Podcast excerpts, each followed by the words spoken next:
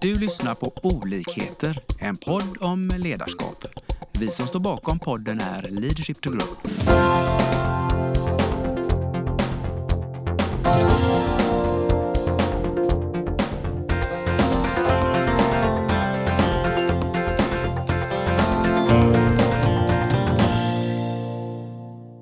Idag har vi ett avsnitt tillsammans med eh, Lars Engström och mig, Anna-Karin Eriksson. Eh, vi tänker tala om engagemang, Lars. Ja. Spännande. Eh, vad, eh, vad tänker vi kring engagemang? Kan vi, ska vi dra lite fakta först?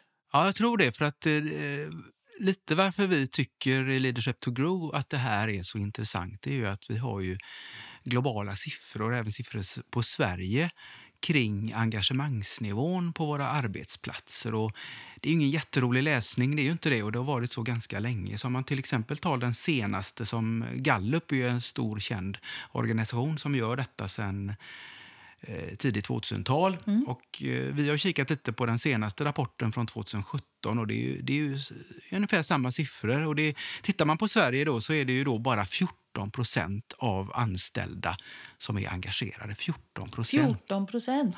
Mm. Eh, och, och ännu värre är ju då att det är 11 procent av de anställda. Då. Det här är ju både näringsliv och offentlig sektor Ja. som man har mätt.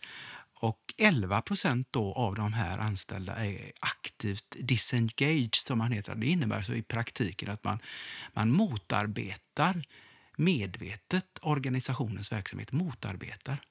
Så det, det, är inte, det är ingen rolig läsning. Eh, och på det stora hela eh, så innebär det då att 75 procent av de anställda är alltså inte engagerade i sitt arbete.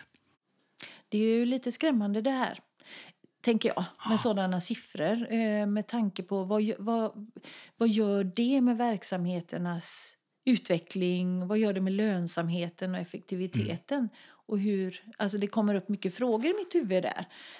Precis. Och vad man kan se då, om man tittar på, på det, det, det har ju en stor påverkan, det är klart. Och, och det, dessutom är det så att den globala produktiviteten eh, håller på att gå ner också. Så det blir inte bättre. Eh, så att eh, man kan titta då på Gallup eh, stora siffror. Då, så har de tittat på nästan 50 000 eh, verksamheter i 45 länder. Mm. Och det som är positivt då, det är att om man börjar jobba med det här, så till exempel att jobba med människors engagemang och deras eh, styrkor och drivkrafter, så har man ju sett att de företagen som verkligen gör det, de har kunnat mäta ändå en försäljningsökning eh, mellan 10 och 19 procents förbättring eh, jämfört med en kontrollgrupp som inte gör någonting. Och även vinsten då har ökat eh, på de här grupperna med 14, mellan 14 och 29 procent. Så det Mm, finns ju mm. väldigt mycket det. eh, så pengar att Mm. hämta, om man nu talar pengar, Ja, i att jobba med engagemangsutveckling. Mm. Så- Och vi tycker ju det här är viktigt och vi tycker också att det är bra att veta att det finns ju ganska mycket eh, mätningar och fakta på det. Så, Ja, men det, det är ju så spännande när man hör de här siffrorna. Och jag tror att många av de som lyssnar, kanske liksom jag då, sitter och funderar över ja, men vad behöver vi göra och hur? Hur ska man göra då för att förändra det här? Vi vill ju inte ha anställda i våra bolag eller medarbetare som inte har ett engagemang. Vad behöver vi göra med det? Ja, det stora som, som ligger väldigt nära så som vi jobbar i våra processer på Mm. Leadership to Grow, det är ju just att, att man behöver ha ett perspektiv utifrån individen. Mm. Eh, för att individen har ju olika triggers, olika bakgrund, olika kompetenser. Olika Eh, behov, tänker Olika jag. behov, precis. Så det är precis som du sa när vi pratade om det här med att uppfostra barn och skol, skolan som är ett annat kapitel, en annan podd, Ja. eh, tror jag. Mm. Eh, att eh, vi behöver ha en, en individuell eh, ett individuellt, ja, precis, Målsättning. målsättning, perspektiv och uppföljning för att lyckas med det här. Och det är det är just det de här företagen har gjort. De har tittat på engagemang och egentligen då individernas styrkor och drivkrafter och satt mål uti- utifrån det. Mm. Satt mål, följt upp och, och, och gör det här som en regelbunden process. Så Mm. det är väl egentligen det, det första då, att titta på det individuellt, inte kollektivt som jag tycker många företag och organisationer jobbar mycket kollektivt med övergripande mål, övergripande policies som alla förväntas följa, vilket givetvis behövs också. Ja. Men det är inte ett jättebra sätt att höja engagemanget utan vi behöver göra annorlunda och mer. Vi behöver få varje medarbetare att titta på sig själv för att förstå att jag behöver själv göra en förändring eller förbättring eller eh, någonting för att, att få upp det här eh, drivet och engagemanget kanske. Absolut. Det finns ju. Precis, för det, det är ju lite intressant att man kan tycka då att det är företagets ansvar men samtidigt eh, perspektivet att du som individ som är anställd på ett företag och inte kanske är fullt engagerad eh, man lägger ju väldigt mycket tid på arbetet och eh, då har du ett eget ansvar, tycker vi som jobbar med ledarskap. Mm. Det tror jag faktiskt att, att eh, generellt att man tycker. Ja, eh, Men samtidigt ser man ju då att de här siffrorna som Gallup presenterar och andra mätningar, det, det blir ju inte jättemycket bättre. Så att eh, eh, på något sätt slår ju det här inte igenom på bred front. Mm. Men en nyckel är ju då att, att se sitt eget, vad kan jag påverka detta? Jag kan ha en attityd kring eh, antingen fortsätta och, och så, så här, på den nivån som är och inte trivas jättebra och få min eh, lön och, och jobba på. Men det är inte jätteroligt och det är inte Nej. jättestimulerande.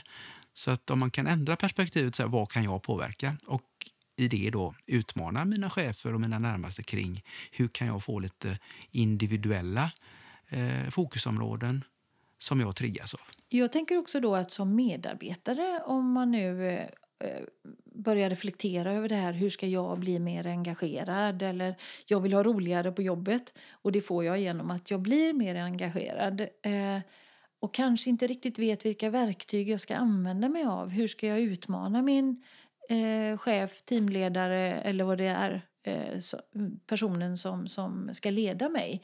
Ehm, vad behöver jag eh, göra eller hur kan jag ta hjälp?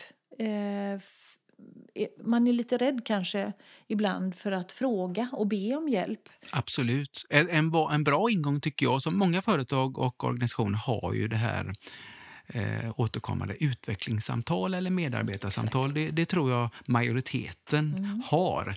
Däremot kvaliteten på den och hur engagerande det är, det, kan nog diskuteras.